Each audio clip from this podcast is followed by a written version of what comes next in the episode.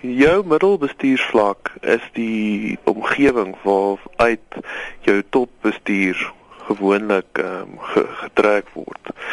So die kwaliteit van jou middelbestuur bepaal hoe goed jou topbestuur gaan wees in 5 na 10 jaar se tyd. Baie belangrik om daardie mense te koester.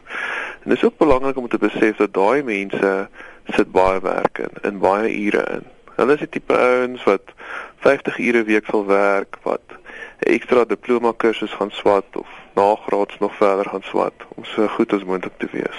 So 'n maatskappy wat dit doen, staan die kans om meer te verloor as wat hy bespaar. Kyk, kyk die maatskappy moet uiteindelik besluit wat is die beste koers om in te slaan.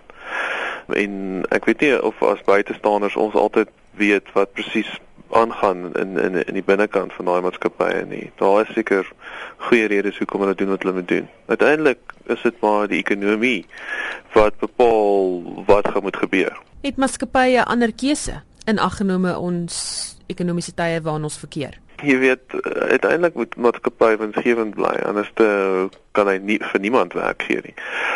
So die ekonomie is baie belangrik. Daar's maar ook maar siklusse in ekonomie. Dus ons sal gewoonlik sê dat die arbeidswetgewing is baie streng. Dit maak dit moeilik om mense af te lê wanneer dit moet gedoen moet word. Maar duidelik in jou middelvlakbestuur is dit nie so groot probleem nie. Maar die ekonomie moet gesond wees.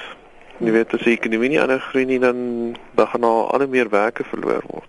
En dis ook 'n groot probleem as die kennis wat verlore gaan. Soos wat ek gesê het, hierdie ouens hulle hele lewe lank spandeer om om die maatskappy te leer ken en om goed te word wat hulle doen. As hulle nie weer geabsorbeer word in die ekonomie nie, verloor ons eintlik etlike miljoene se kennis.